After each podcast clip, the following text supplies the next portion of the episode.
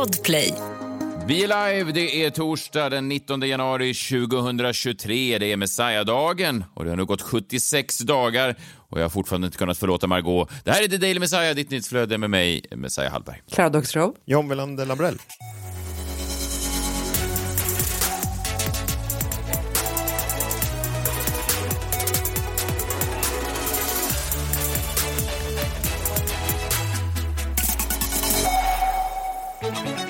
God morgon på er. Hade ni en bra eh, Messiah-afton igår? Jag gjorde inget särskilt faktiskt. Tänk, tänkte lite extra på dig, det gjorde jag absolut. Skickade du upp en sån här eh, ballong som man gör i, i Thailand? De är dåliga för miljön de där, vet du. Så nej, det gjorde jag inte. Är de det? Det är väl när någon eh, dör ofta efter tsunamin var det många som skickade upp det, men jag tänker att man även kan skicka upp det kanske vid högtidliga tillfällen. Jag tror inte att någon hade tittat snett på det så att säga, om, om du hade gjort det. Men Nej, det, men det är ju den här miljögrejen, de säger det här nere, att för varje sån där som skickas upp i himlen så bärs Greta Thunberg bort av en tysk polis. Fan vad de bär bort henne. Det är varenda Ja. dag tycker jag man får nya rapporter. Men det finns det en del av henne som tycker om det där. Man har ju sett höger-twittrare som säger nu åker hon dit. Fast det är väl exakt, de vill väl bli bort... Det är väl därför de limmar fast sig på olika motorvägar för att, för att just bli bortburna. Om ingen reagerar, det är lite som Hampaludan när han står och eldar koraner. Att om, om ingen står där och blir arg så Nej, har man ju precis. limmat fast sig, alltså limma fast er Då i sitter man ju träd fast och ingen också. rycker i er. Ja, och då är det ju... Man behöver ju hjälpen sen när man vill gå och äta eller kissa tror jag. Ja. Ja, Ja. Nej, men det, det, hon, är nog, hon är nog nöjd. Men det som är så fint är ju att du har ju chansen idag och kanske äta en tårta, tända ett ljus. Det är ju en eh, högtid i de eh, tre dagarna långa. Det är ju, idag är det då, igår fyllde jag år om någon har missat det. Igår fyllde jag år, då är det Messiah-afton och så Messiah-dagen idag, och sen en annan dag, Messiah som, som är eh, ja, lite bortglömd i sammanhanget. Men det är fint att fira. Snälla. Men det är man har ätit upp Vi har all många anledningar att fira. Man börjar bli lite trött kanske. Ja. Ja, fast det är då många plockar fram eh, resterna från, från maten. Och man, alltså man har ju kvar lite de här goda resterna. Gästerna kanske inte har ätit upp allt. Och, och, och, och då kan man plocka fram det på och säga strunt samma, det spelar ingen roll. Men vad, ja, vad äter man på bordet när jag fyller år? Det är ofta bara glasstårta. Så har man lite glasstårta kvar så, så kan man kan man ta det på annan dag. Strunt samma. Eh, det är goda nyheter, eh, eller goda och dåliga nyheter. Eh, I veckan så stod det klart att Noel Gallagher, den före detta låtskrivaren i Oasis, han skiljer sig då från sin fru. De har varit ihop i 22 år. Det är ju sorgligt i sig. Ovanligt lång relation i någon slags rockkretsar. Det är väl som hundår, då. det är väl 22 gånger 7, så det är väl, ja jag är dålig på matte, men det är väl över 100 år i alla fall som Ja. de har då krigat. Sarah McDonald. Och det är ju tragiskt i sig. Det som då gör mig, ja, Oasis är ju då mitt favoritband, eller de kom ju då, ja det är det ju, men de kom ju också den där formativa, de där formativa åren när jag var 11-12 år när man hade som mest intryck av olika artister och de, jag älskar dem och de har ju inte pratat då, de splittrades 2009 så har de inte pratat egentligen alls särskilt många gånger då, bröderna Liam och Noel. Men det, det man säger då i England nu, i engelsk press, det är att hon Sarah McDonald, Noels fru, var liksom den primära anledningen till schismen Är det sant? mellan dem. Jaha, Mellan bröderna. gud vad spännande. Jaha. Alla vi som då hoppas på en sån gubbrocks återturné, någon slags rocktåg 2024 eller någonting. Noel har liksom, han har sagt att nej, vi kommer inte återförenas med Jag ska aldrig säga aldrig. Det är många som rycker honom. Det, var lite, Ja. det, väck, det öppnar en dörr som är lite um, spännande. Hur kittlande är jag, men tror du inte att det kan vara anledningen också till att eh, de har hållit så länge? Att han var tvungen att bevisa då för brorsan att så här, eh, det var värt det. För hade han gjort slut med henne tidigare, då hade han kanske kommit till insikten tidigare att det kanske inte var värt det. Nej. Det är ju många sådana grejer tycker jag man gör i relationer, att man bara Ja, precis. På, på rent pin kiv så Ja, bara ja, precis. biter man ihop. Ja, ja. ja, för bevisa alla, alla som liksom hade något att säga om det, man vill bevisa dem eh, fel. verkligen. Men det var Am I right, John? Ja, men, men, verkligen. Just det! Ja! men det var väl också, jag In tänker på. Det måste ju varit Noels fru då, den här Sarah McDonald som, eh, när han släppte sitt eh, förra album, tror jag det var med ehm, Noel Gallagher and His High Flying Birds, eller vad fan de heter, så skrev de ju på Twitter, och jag antar att kanske hennes publicist låg bakom det, eh, det bara la upp då Ask Noel anything. Och då hade ju Liam gått in och skrivit “Why are you such a massive cunt?” Ja, men jag tänkte, det, det liksom så backfired lite grann för henne. Så att, eh, jag kan väl tänka mig att hon inte var så glad över det. Så det, det kanske ligger något i det. Ofrånkomligen så är det ju så. Det är ju fascinerande också att det fortfarande då, de, här, de, de breakade ju 94, att det då 30 år senare fortfarande är så... Bef- jag tycker inte man ska hålla på och kalla varandra kvinnliga könsorgan, det är inte det, men, men i en tid som har blivit allt mer putsad, de var ju liksom oborstade och fräscha då, men 30 år senare så är en tid då där allt mer är putsat och allting är liksom sådana här PR-utskick i alla sfärer, i nöje, musik, sport, alla de här PR-utskicken från olika fotbollsspelare som säger ja vi förlorade med 8-0 men vi tar nya tag, vi tänker på fansen och eh, brinner för Greta Thunberg. Och, jag vet inte, allt är så putsat så finns det fortfarande någonting väldigt eh, fascinerande i att de här två bröderna, att han skriver så till sin bror, det, det är någonting, eh, det bara känns fräscht att skriva sådana kvinnliga könsorgansord till varandra ibland i en värld där allt färre använder dem. Jag tycker inte man ska använda dem, fast om några gör det så tycker jag att det ska vara de här två bröderna då från Manchester. Ja, verkligen. Och det finns väl inget roligare än att läsa en intervju med Noel Gallagher som gift. Undrar hur det blir nu när han är alltså singel Noel Gallagher. Det finns inga då, inget som håller honom tillbaka. Nej, Det ryktas att hon fick nog av att han allt mer hade börjat vara ute och festa senare tid. Och det är aldrig ett bra tecken tror jag, efter 22 år, att man plötsligt ska ner till puben. Vadå? Nej, nej. Jag sa det till min tjej för ett tag sedan, jag ska bara ner och ta en, en öl på puben och hon tittade på mig som att jag... Alltså det var ju... Då har det gått ut för. Jag sa till Johanna häromdagen, eh, idag ska jag inte ner till puben. Och hon tittade på mig och som att, vad fan, vad håller du på med? Men alltså hörni, på tal om puben. Eh, jag var inne på helagotland.se och läste då att eh, berusad man drack öl på krog. Blev hämtad av polis. Men ja, det brukar ju vara berusade men på krogen. Framförallt du John, du brukar vara ganska berusad. Men en annan grej som jag läste då när jag var inne på Hela Gotland var att Babben Larsson återigen är nominerad till Årets gotlänning. Och det stör mig. Jag kan inte hjälpa det. Men är det, är det så att hon är alltså, likt Zlatan då, att han vann Guldbollen 12 år i rad? Är det, är det Ja. alltid man måste gå till... Var det, fanns det en konkurrent någon gång? Fanns det så Josefin Nilsson, Einbusk Singers? Hon, Ja, ja, hon måste ju ha varit uppe och nosat. Hon var väl där liksom. Men, och grejen är att jag vet inte. Det kan vara så att Babben Larsson aldrig har varit årets gotlänning. Men jag Fast det gan- låter ju Det låter ju ganska säker på att hon har varit ja, men nominerad många gånger. Och vad det enda som hon har gjort då, förutom att sitta i Bäst i test, vad jag vet, det är ju att hon har varit julvärd. Vilket i och för sig är ganska stort, så att jag kan ju förstå. Men det är lite så här, det finns ju fler här som representerar Gotland på olika sätt. Kan inte liksom bara widen the horizon, alltså öppna ögonen lite. För vi, vi är fler här. Men på tal om Babben så, eh, jag läste... Du menar att, att, att du borde, de borde ringa? Jag säger inte att det behöver vara jag, jag, jag säger bara att vi, det är fler. Det, det är Men det är fler. bara två av er. Det är bara två av er i media. Det är Babben och du. Men det var ju han eh, Jonny Han också. minkfarmaren är, också. Äntligen hemma. Jonny och Mattias, ja men han är ju död. Minkfarmaren är död. Det har väl inte hindrat någon från att vinna Årets gotlänning? I och för sig, true that. Men eh, det, det var så eh, intressant för att jag blev lite besatt av Babben då för jag skulle kolla vad hon hade gjort och då kom jag in på en artikel på Aftonbladet som eh, publicerades häromdagen då om den här sockerskatten och då har de intervjuat Babben Larsson om det här då. För Babben eh, har ju haft ett ganska allvarligt sockerberoende och det är ju ingenting att, att skratta åt. Men så beskrev hon eh, lite om just sockerberoendet och det fick mig att tänka på dig Messiah. Hon sa bland annat så här Sockerberoende kan bli riktigt allvarligt. Hur många sitter inte och äter godis i bilen och tappar en bit på golvet och sitter och letar efter godisbiten och vinglar fram på vägen?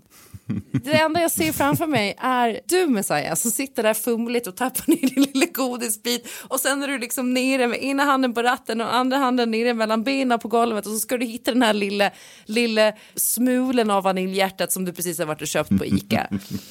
Eh, Men det slutar inte riktigt där, utan hon fortsätter att säga, och det här, då slog det mig, det här är ju 100% du Messiah. Hon säger så här, det blir en besatthet. Du sitter på ett möte, ser ett kakfat, men du kan inte fika. Sen kan du inte koncentrera dig, för du tänker bara på kakorna. Jag har blivit tvungen Ja, att va- bära... Va?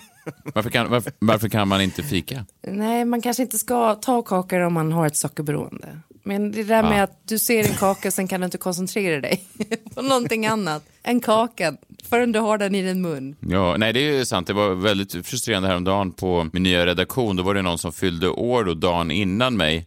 Det var också snopet att hon stal då fokus från Messiah-afton, men det är skitsamma. Men Ja, det var vår producent. Hon är också yngre än vad jag är, vilket var också... Jag vet, då bar de in då en um, otrolig passionsfrukts-cheesecake från eh, ett bageri där, eh, nästgårds. Och de är kända för sin cheesecake. Det är en otrolig, det är en typ av botten som är helt, den är ganska robust, den är svår att ta sig igenom med en vanlig kniv, men om man ger ett snabbt knäck i mitten så kan man få, den är, det är lite kanel i den är, Ja, i botten. ja, och, den den är är mycket med, och då tog alla varsin liten bit och sen stod det kvar liksom 25 procent i en perfekt trekant då, som Mm. bara stod där och retade mig och jag gick fram flera gånger och frågade då vår producent, alltså om den bara ska stå där och förfalla, om den ska då stå där och bli sur, om cheese, alltså Philadelphiaost blir ju till slut Ja, det dåligt blir- om den står framme. Det vore ju hemskt. Ja, eh, men då visade det sig att hon hade barn då, dumt nog, den här producenten, så hon skulle ta hem då resterna till sina barn. Åh nej. Då blev det dålig Fan, stämning då. Fan, den här eh, säsongen av Svenska nyheter låter riktigt spännande.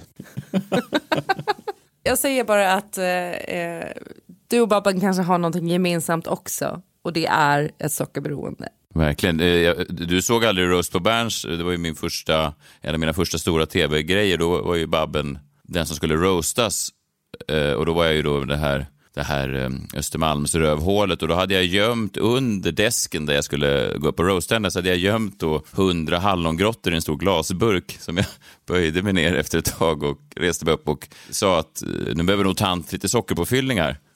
Nej.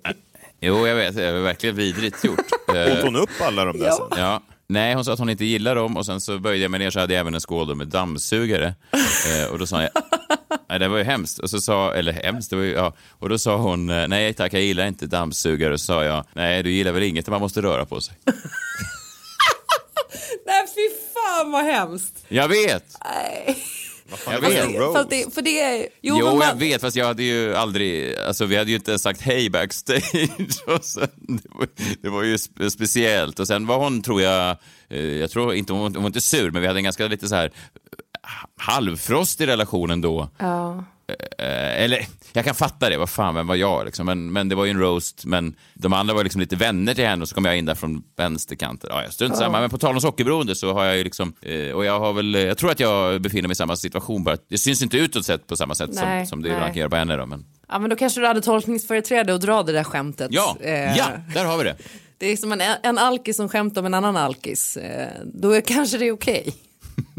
Ja, vad skönt att du säger det. här. I 13 år nu har jag, varit, har jag haft dåligt samvete för det här, men äntligen så kan jag bara säga att jag hade då tolkningsföreträde. Jag älskar ju också hallongrottor. Ja, jag hade eh, hallongrottor och jag är fortfarande lite sur för den där cheesecaken. han åt dem aldrig själv sen.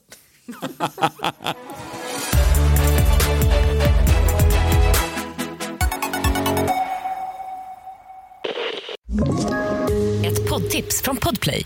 I podden Något Kaiko garanterar östgötarna Brutti och jag, Davva, dig en stor dos skratt.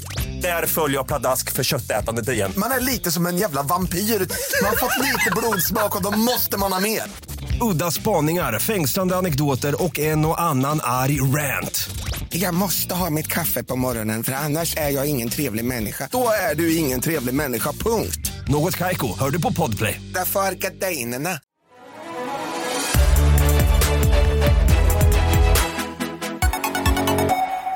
Dags nu, eh, 60 sekunders eh, väldigt kul. Messiahs minut. Messiahs minut idag beger sig in i katakomberna på eh, SVT där jag då eh, befinner mig. Det blir ju så när man, jag är så ovan med att ha ett heltidsjobb så det blir liksom att man går upp och så äter man frukost och så beger man sig någonstans och så omger man sig då med människor som man annars inte omger sig med och så sitter man där till, jag förstår att det här är vardagsmat för folk som har riktiga jobb, att de, men det är lite nytt för mig att det, att det är så Ja. likartat och att man befinner sig liksom i samma korridorer och, och, och de intrycken man får är väldigt mycket de intrycken som händer där då, för det är där man spenderar all sin vakna tid. Och det har varit ganska uppsluppen stämning på SVT den här veckan. Jag vet inte om ni hängt med på det här, men de fick ju då i veckan eh, äntligen köpa loss OS-rättigheterna igen. ja, just det, det såg jag. Bra jobbat av dem. Ja, alltså lite märkligt på ett sätt för att de hade ju OS alltid och det var ju då eh, sen 1960 så gick det då i SVT och det var ju en sån där lägerelds-tv på den tiden när det fanns OS, eh, sommar-OS och vinter-OS. Sen förlorade de rättigheterna 2011 för att tiden hann ju ikapp SVT. De hade ju inte så mycket pengar. Först var det då Viaplay som köpte den, eh, köpte OS några, några gånger 2012 och 2014 och sen köpte då Discovery, vilka är det? Är det, det är kanal 5 va? Eller tidigare kanal 5. Ja. Ja, Ja, de gav då 12 miljarder kronor för rättigheterna Eh, Va? Ja, då. så Ja. Det gick ju inte att matcha oj, SVT. oj. Vad är det? Tycker inte du det är mycket pengar, John? Eller vad, Jo, jo, men jag bara... är Jag förstår, ja, men SVT har väl hur mycket, alltså, hur mycket pengar har SVT? Alltså man tänker hur mycket de får in. Alltså de, de, de, Nej, de nej, borde nej, vinna nej. de där budgivningarna varje... Nej, nej, nej. nej. Men nej. tror du att de har där 12 stämmer inte miljarder att bara lägga på lite Nej, sport? det har de verkligen inte. Nej, är svaret. Ja. Du hade fel. I alla fall. Ja, men det är bara Alltså, så här, SVT, ja. SVT, SVT omsätter väl bara 5 miljarder eller något sånt där. Det är, alltså, en anledning till att de kan köpa sporträttigheter är för att de har fått dispens för att visa reklam eh, i samband med sport och Melodifestivalen. Annars skulle de inte kunna ha de programmen. Nej, och det här är då Nej, någon det- slags eh, liten speciallösning. Eh, Det finns EBU då, alltså European Broadcasting Union. De har då bidragit med en del av det här så att alla public service då i Europa får det och då är SVT liksom med på den, den kakan. Men i alla fall, det är väldigt uppsluppen stämning då på SVT för att de har då äntligen vunnit tillbaka och jag tror att jag förstår vad det här handlar om. Jag tror att det är också, det är inte bara SVT utan det här tror jag att alla kan vara lite överens om. Till och med de största högertyckarna som vill lägga ner public service och säga stäng den skiten jag är lite glad över det här, för det är ju en återgång inte bara till forna dagars sportsändningar, det är ju även en återgång till det gamla Sverige på något sätt. Det finns väl inget svenskare än sommar-OS kan man egentligen ha och mista. Det är liksom pingis, friidrott och kanske någon sån halvdassig fotbollsturnering. Men det vi egentligen älskar i Sverige är ju eh, det här.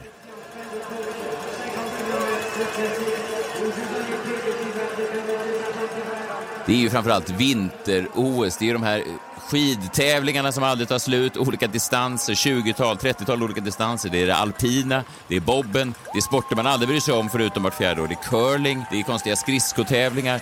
Det är det här som är liksom det forna Sverige där då Sverigedemokrater och vänsterpartister kan förenas kring en återgång till lägerelds-tvn när man satt och hejade fram. Vi minns dem alla, John. Mogren, Svan, Wassberg, till och med Sixten Jernberg. Alla de här gamla skidlegendarerna som vi har hejat på och skrikit på. Så Charlotte Kalla såklart och, och alla de som har kommit fram eh, på, på senare år. Men det är ju, eh, jag tror att det är det här som SVT känner. Inte bara att, det, att de har vunnit tv-rättigheter, för det gör de väl ibland och emellanåt, utan att det också är en, det är en vinst för hela Sverige. Det är en återgång till det Sverige som har varit. i en orolig tid med krig och flyktingströmmar och sådär. Så är det någonting, det finns inget mer pursvenskt än att slå sig ner med en sån kopp och boy och bara titta på OS-sändningarna på SVT. Och så ska det helst vara då Jakob Hård i en sån här toppluva med en sån här liten boll högst upp.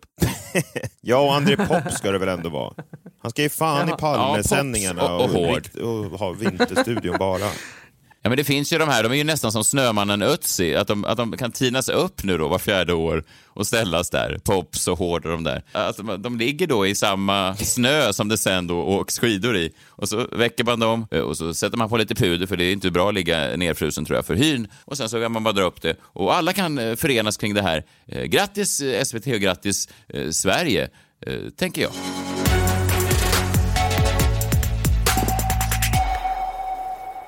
Mm, Du låter tveksam, men det...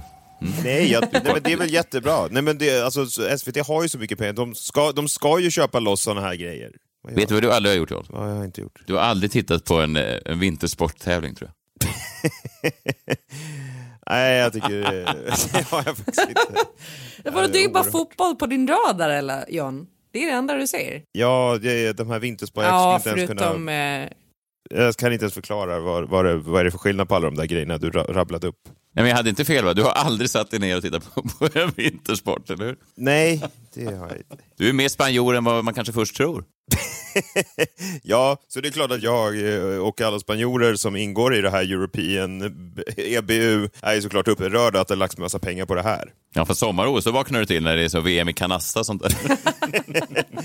Nej, kanasta. det är tju- tjurfäktning Ja, och det enda som vi, vi spanjorer är. Ja, det är det du brinner för. Så är det. Någonting annat som du också brinner för, det är gamla brottsfall. Eh, Torsdag innebär eh, det här. Krimmorgon.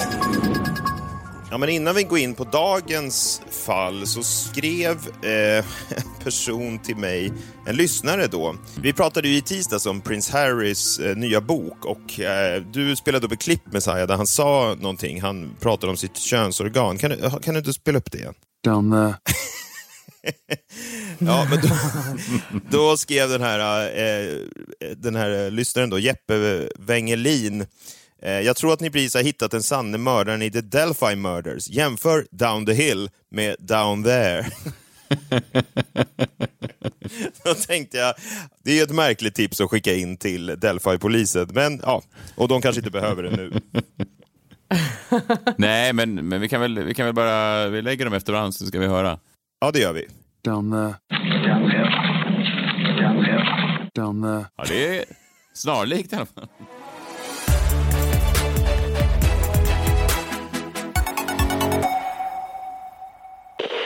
Ny säsong av Robinson på TV4 Play. Hetta, storm, hunger. Det har hela tiden varit en kamp. Nu är det blod och tårar. Fan händer just nu. Det. är Detta är inte okej. Robinson 2024, nu fucking kör vi! Streama söndag på TV4 Play.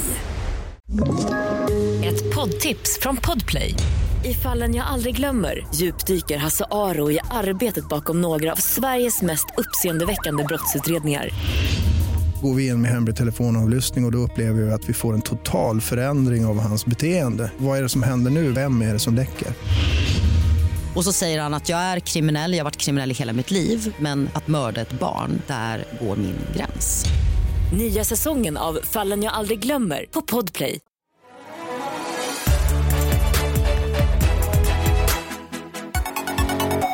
Men nu till dagens fall. Idag ska jag prata om en riktigt intressant eh, fall. Och vi börjar en tidig morgon den 20 februari 2019 då brandkåren i Collinsville, Virginia fick larm om en utryckning. Det var till ett hus då i eh, södra Virginia i närheten av brandstationen som ingen människa hade bott i sedan 2002, som stod i lågor. Och Det tog brandkåren flera timmar att släcka den här branden, men huset blev totalförstört. Utredningen visade att man inte kunde säga säkert om branden var anlagd eller inte, men det hade anlagts andra bränder i närheten vid den här tiden. Och eh, Polisen misstänkte att det var liksom en lokal pyroman som var aktiv då och man tänkte att det här kanske var ett av hans senaste då, eh, tilltag. Men det här är inte historien om en brand, utan om vad som hände i det där huset 20 år tidigare. Det här är en historia om familjen Short. Michael Wayne Short gifte sig med Mary Frances Hall 1992 och fick året därpå dottern Jennifer Renee Short. År 2002 bodde familjen i den lilla orten Oak Level, Virginia med knappt tusen invånare och Jennifer, dottern, skulle precis börja i fjärde klass. Hon beskrevs som en snäll tjej som var omtyckt av alla. Eh, familjen beskrevs som vänliga som oftast höll sig lite för sig själva, men alla som kände dem sa att de verkade lyckliga och glada. Företaget som både Michael och Mary, paret då jobbade åt, hade dock börjat gå lite knackigt och de hade funderat på att flytta till South Carolina, då, en närliggande stat, och byta jobb. Men så blev det inte. På kvällen den 14 augusti 2002 åkte hela familjen till en Burger King drive-through som låg i närheten av där de bodde och det var sista gången någon såg dem levande. För vad som hände efter att de kommit hem efter sin middag är fortfarande idag ett, lite av ett mysterium. En jobbarkompis till Michael kom för att hämta upp honom på morgonen dagen därpå. Han lade då märke till att garagedörren var öppen och han påminde sig att Michael hade sagt att han ibland sov på en soffa i garaget för att han snarkade så högt. Är det någonting som, som ni har gjort? det kan jag verkligen förstå. Jag tvingar ju Kjell att sova med en sån där snarkskinn nu. Men jag hoppas att han kan gå ner några kilon för då brukar ju snarkningarna försvinna. Gud vad hemsk jag är. Okej, okay. men han har aldrig fått sova på en soffa i garaget? Nej, men soffa i, i vardagsrummet på nedervåningen, ja. Okej, okay. men det här, de som kände dem sa att det här var inte en så stor grej, han gjorde det ibland. Men när då Michaels jobbarkompis gick in i garaget för att hitta Michael så såg han honom liggande på soffan. Men han insåg snabbt att Michael inte sov. Eh, han ringde polisen som snabbt kom till platsen. Där kunde de konstatera att 50-åriga Michael Short hade blivit skjuten i huvudet på nära håll med ett skott. Och när de sedan gick in i själva huset hittade de hans fru Mary, även hon dödad med ett skott i huvudet. Och allt tydde på att de hade blivit dödade i sömnen. Det fanns inga tecken på att de gjort motstånd. Men de insåg också att något annat inte stämde. Jennifer var inte där och det fanns inga spår av henne någonstans. Man hittade heller inga spår efter mördaren. Det var liksom inget i huset som var i oordning. Men man upptäckte att någon hade kapat telefonlinjen till huset, sådana som fanns då på den tiden. Oj. Man sökte igenom huset och en damm i närheten och sånt där, men hittade egentligen ingenting. Och Först misstänkte polisen att Jennifer, då dottern, hade lyckats fly. Eh, att hon hade upptäckt vad som pågick och flytt ut i skogen eller liknande och sen gått vilse.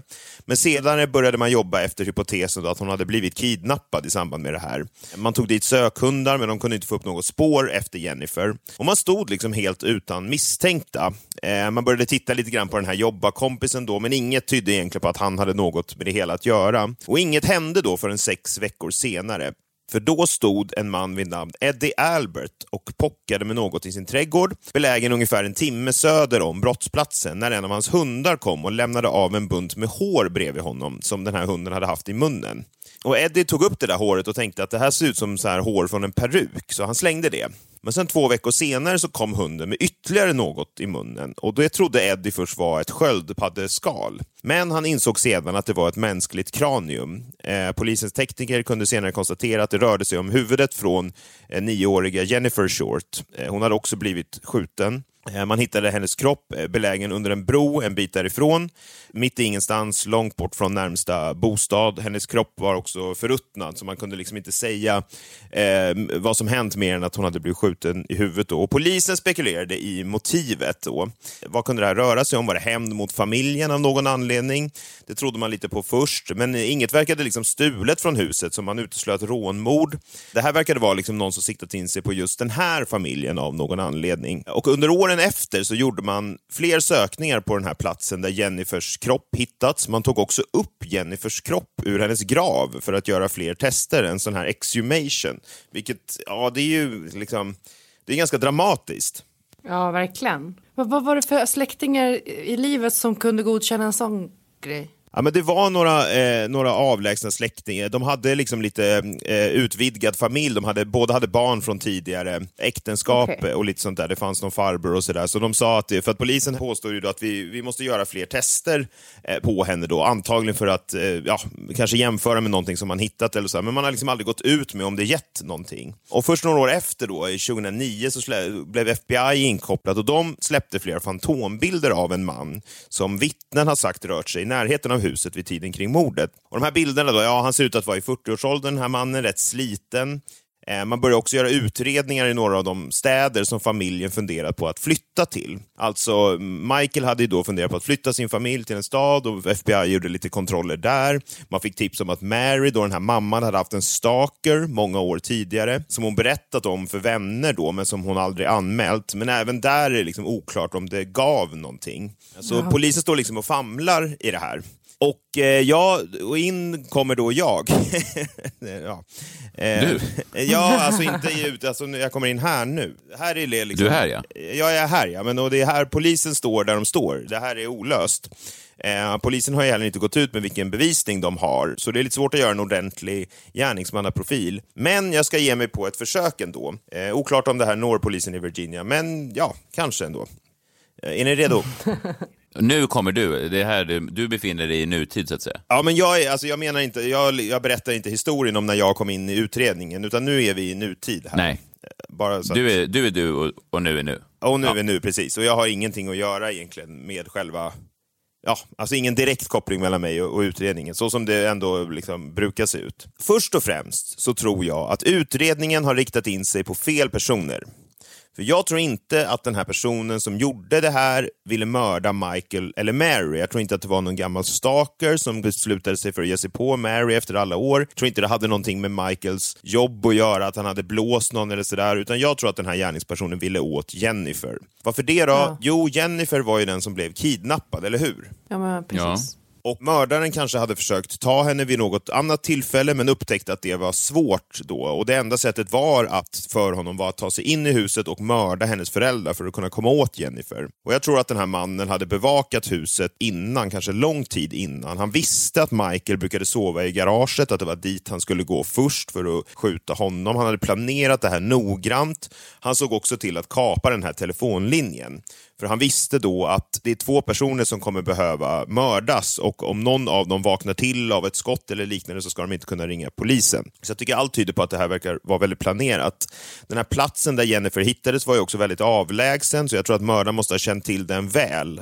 Han bor troligtvis inte långt därifrån. Den här personen då, han är i 20 till 30 års åldern. Eh, han har körkort eh, för han har kommit dit och därifrån med bil. Han jobbar troligtvis i närheten av där familjen Short bodde och har på det sättet fått syn på Jennifer och blivit besatt av tanken på att ta henne. Den här personen han är sexualsadist och uppfattas av sin omgivning som lite udda, en ensamvarg, men ändå trevlig och bra på sitt jobb.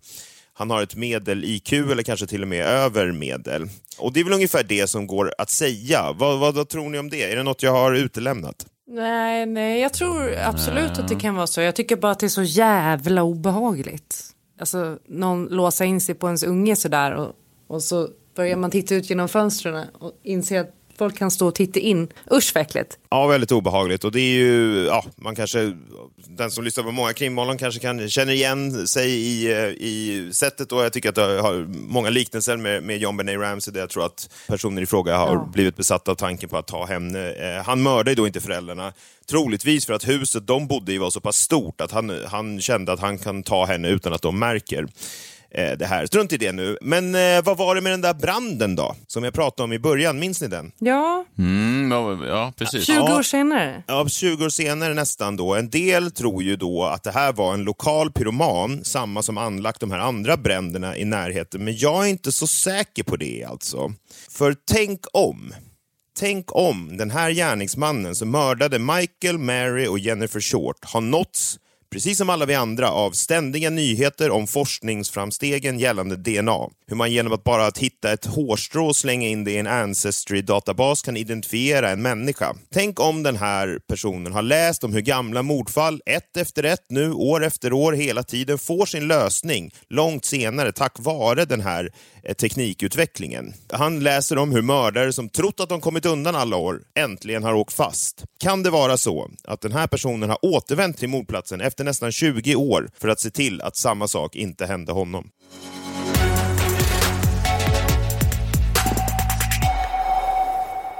De måste väl ha undersökt? Men att polisen inte har haft en, den, en sån tanke? Nej, det vet man ju inte, men det finns ju inte så mycket att undersöka. Alltså, jag menar, det här huset blev ju totalt förstört. Eh, det har ju stått där tomt i 20, nästan 20 år. Det kan ju ofta bli så med såna här mordhus, att det är ingen som riktigt vill köpa dem. Jag menar, jag har ju lagt ett, ett, ett bud, si och så, men annars är det liksom aldrig någon som vill flytta in i de Har där du? gamla mordhusen. Nej, nej, okej. Men ja, det är liksom, ingen vill ju flytta in i de där gamla mordhusen och de står tomma. Det här stod ju tomt nästan 20 år. Sen brann det ner helt plötsligt. En slump, kanske, men kanske inte. Nej, men visst. v- v- Väldigt spännande, kan- spännande teori. Kan det ha sammanfallit också den här branden med att eh, man, alltså den första personen fälldes som hittades via Ancestry och de här eh, släktsajterna? Ja, alltså den här branden var ju 20, 2019, så att eh, jag menar... Det, Men det var väl det typ då det var väl typ då människor började fällas som man hittade via de här eh, släktforskningssajterna, var det inte det? Ja, det hade väl börjat hända några år tidigare, men det hade, blev ju mass, massmedialt väldigt uppmärksammat i samband, i samband med att Golden State Killer eh, åkte fast. Och, och det skedde ju 2018, eh, så att ehm, det är inte en helt eh, dumt och det, då blev det ju liksom massmedialt uppmärksammat det här med då genealogy DNA. Och Ja. om jag skulle vara en mördare, även om då 20 år senare jag vet att det där huset står kvar, så skulle jag, kanske hade han tanken slagit honom tidigare, men nu började han bli nervös och tänkte att eh, det är bäst att jag bränner ner det där huset, kanske. Det var allt vi hade för denna torsdag. Tack för att ni lyssnar. Jag ser er, jag hör er. Hör gärna av er till thedailyMessiah.gmail.com om ni har åsikter, kommentarer eller vår Instagram eller vår eh, Twitter eller vad vi nu finns. Facebook också. Ja, hör av er. Vi eh, hörs imorgon om vi inte hörs innan dess. Ta hand om er själva och varandra. Eh, hej, hej! Hej! Hej!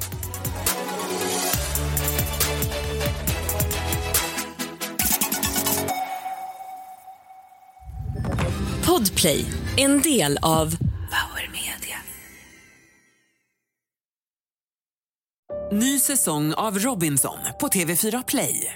Hetta, storm, hunger. Det har hela tiden varit en kamp. Nu är det blod och tårar. Fan händer just nu. Det. är Detta är inte okej. Robinson 2024, nu fucking kör vi! Streama söndag på TV4 Play.